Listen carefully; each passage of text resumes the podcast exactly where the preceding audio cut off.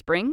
Is that you? Warmer temps mean new Allbirds styles. Meet the Super Light Collection, the lightest ever shoes from Allbirds, now in fresh colors. These must have travel shoes have a lighter than air feel and barely their fit that made them the most packable shoes ever. That means more comfort and less baggage. Try the super light tree runner with a cushy foam midsole and breathable eucalyptus fiber upper. Plus, they're comfy right out of the box. So, what can you do in a super light shoe? What can't you do is the better question. And because they're super packable, the real question is where are you taking them? Experience how Allbirds redefines comfort. Visit allbirds.com and use code SUPER24 for a free pair of socks with a purchase of $48 or more. That's A L L B I R D S.com. Code SUPER24.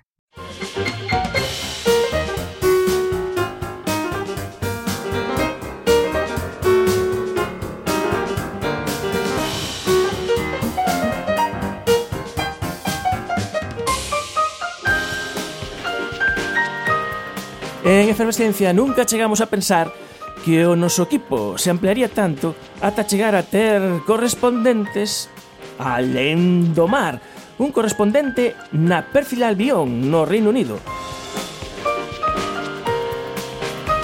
Ele é Juan Picos. Moi boas tardes, Juan. Boas tardes ou good afternoon, porque nas miñas terras así di todo o mundo. Good afternoon, Juan. Ti és estudante de grau de bioloxía estás facendo o teu traballo de fin de grau e como remataches en Reino Unido, en Londres concretamente? Pois bueno, foi unha cadea de circunstancias, eu estaba na Coruña rematando os meus estudos cando quedaba só o traballo de fin de grado e vim para aquí para buscarme un pouco a vida e tamén, por suposto, para mellorar o meu nivel de inglés, que creo que é moi importante. E mellorar o nivel de inglés eh, facendo traballos eh, bueno, os traballos que suelen facer en Londres de camareiro, vender cousas, estas esta clase de, de tarefas. Correctamente, actualmente estou de camareiro e cociñeiro. Estou nun local de repostería Así que teño que facer un pouco de todo. E xa tes dominado ese vocabulario? Sí, sí, de momento podo me defender sen problema. Non para dar un discurso do goberno Pero vai todo controlado.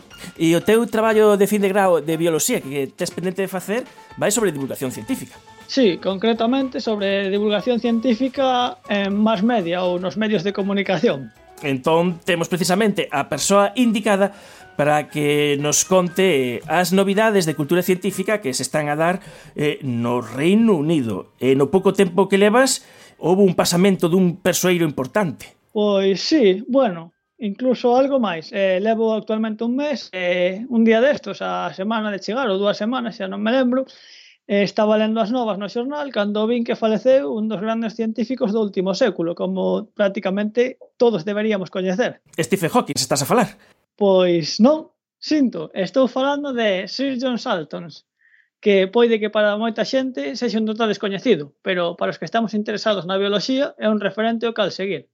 E cal foi a repercusión do pasamento de Sir John Sulton no Reino Unido? Aquí coido que nos chegou nada, pero alá, en comparación con Stephen Hawking, Pois bueno, aquí eh, en concreto no país anglosaxón si tivo repercusión. Lóxicamente non tanta como tivo o físico británico, pero fixe unha pequena comparación das novas que houbo tanto no prestixioso BBC como no, no outro periódico máis sensacionalista que o Daily Mirror dúas semanas despois do pasamento de cada un deles.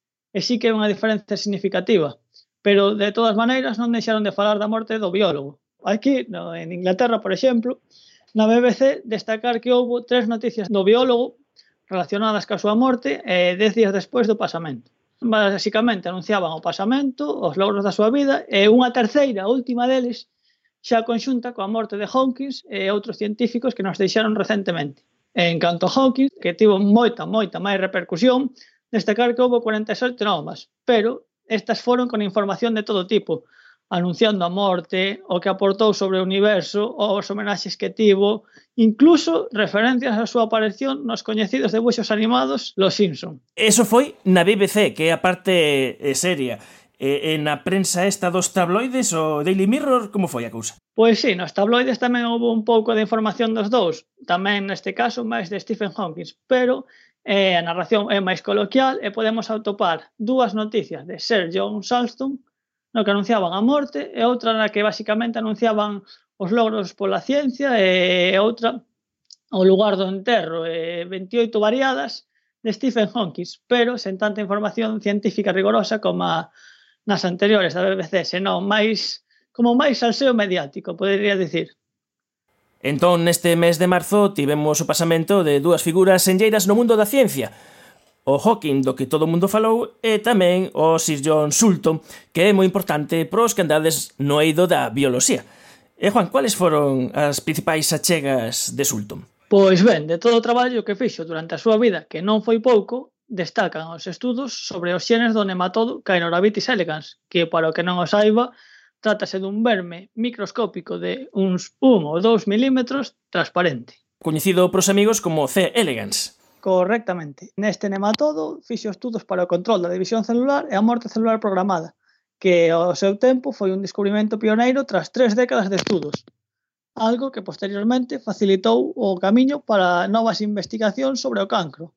E ademais, tamén foi importante nos seus estudios a aclaración de cal era a orde exacto das células do nematodo, o que posibilitou outro gran aporte á ciencia, e foi, ni máis ni menos, que a iniciación do proxecto Xenoma Humano. E no proxecto Xenoma Humano, Sulton foi un dos grandes xefes. Pois sí, destacar que este proxecto, impensable ata ese momento, provocou que Sulston fose nomeado director dun novo centro investigador que el mesmo axudou a crear, chamado Wellcome Trust Sanger Institute, que actualmente desenvolve un dos maiores programas xenéticos de Europa, De feito, agora os laboratorios dali levan o seu nome. Esta investigación, ademais, da que Sastron está considerado como o pioneiro británico, tiña como obxectivo mapear todo o xenoma humano. E destacar tamén que este mapeo, que posteriormente facilitou, entre outras cousas, coñecer a base xenética de máis de 6.000 trastornos, o que permite tamén a busca de mellores tratamentos, foi secuenciado polo Reino Unido, que fixo alrededor dun 33% e os Institutos Nacionais de Saúde dos Estados Unidos, que fixo o resto. E no proxecto Senoma Humano non deixou de haber unha polémica, unha, un pequeno, bueno, sei, pequeno gran enfrentamento entre varias cabezas visibles do proxecto. Efectivamente, a parte feita polo Reino Unido provocou a disputa entre el e o seu equipo eh, que eran partidarios de que os datos sobre o xenoma fosen accesibles para todo o mundo de forma gratuita e o de Craig Venter, que dirixiu os mesmos esforzos de secuenciación, pero no ámbito privado. Por iso, Todo ese esforzo converteuse nunha carreira entre ambos sectores, o que levou á publicación dun borrador no 2001, que, posteriormente, completouse no 2006 anunciando tanto o presidente dos Estados Unidos Bill Clinton como o primeiro ministro británico Tony Blair, en ambas conferencias de prensa celebradas en Washington e Londres respectivamente. E tamén foi autor de algún libro de divulgación. Pois sí, efectivamente. Eh, de feito, no ano 2003 publicou, xunto ca escritora Georgina Ferri, o libro O fío común da humanidade, un libro que actualmente non está disponible en galego, no que, como resumo, podese citar unha célebre frase que presenta é que todos os animais estamos feitos cos mesmos ladrillos, en referencia aos xenes, pero a diferencia entre un gusano e un humano non son os ladrillos, senón os planos arquitectónicos, xa que temos en común o 90% de todos os xenes. E eh, para finalizar, eh, esta semblanza sobre John Sulton mm, compre dicir que, entre outros galardóns, gañou o Premio Nobel. Efectivamente, en concreto, o Premio Nobel de Medicina e Fisioloxía no ano 2002 pola súa contribución de como os xenes controlan a división celular e a morte celular programada no nematodo C. elegans.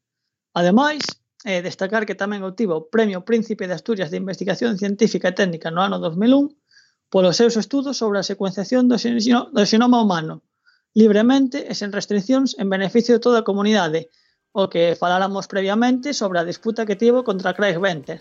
E tamén obtivo un premio individual moi típico aquí no país anglosaxón como é o nomeamento o ano pasado, no 2017, pola raíña Isabel II como acompañante de honor pola contribución á ciencia e sociedade. Pois deste xeito coñecemos a John Sulton gracias ao noso novo correspondente Juan Picos en Londres. Moi boas tardes. Good afternoon, Juan. Ala, chao, Manuel.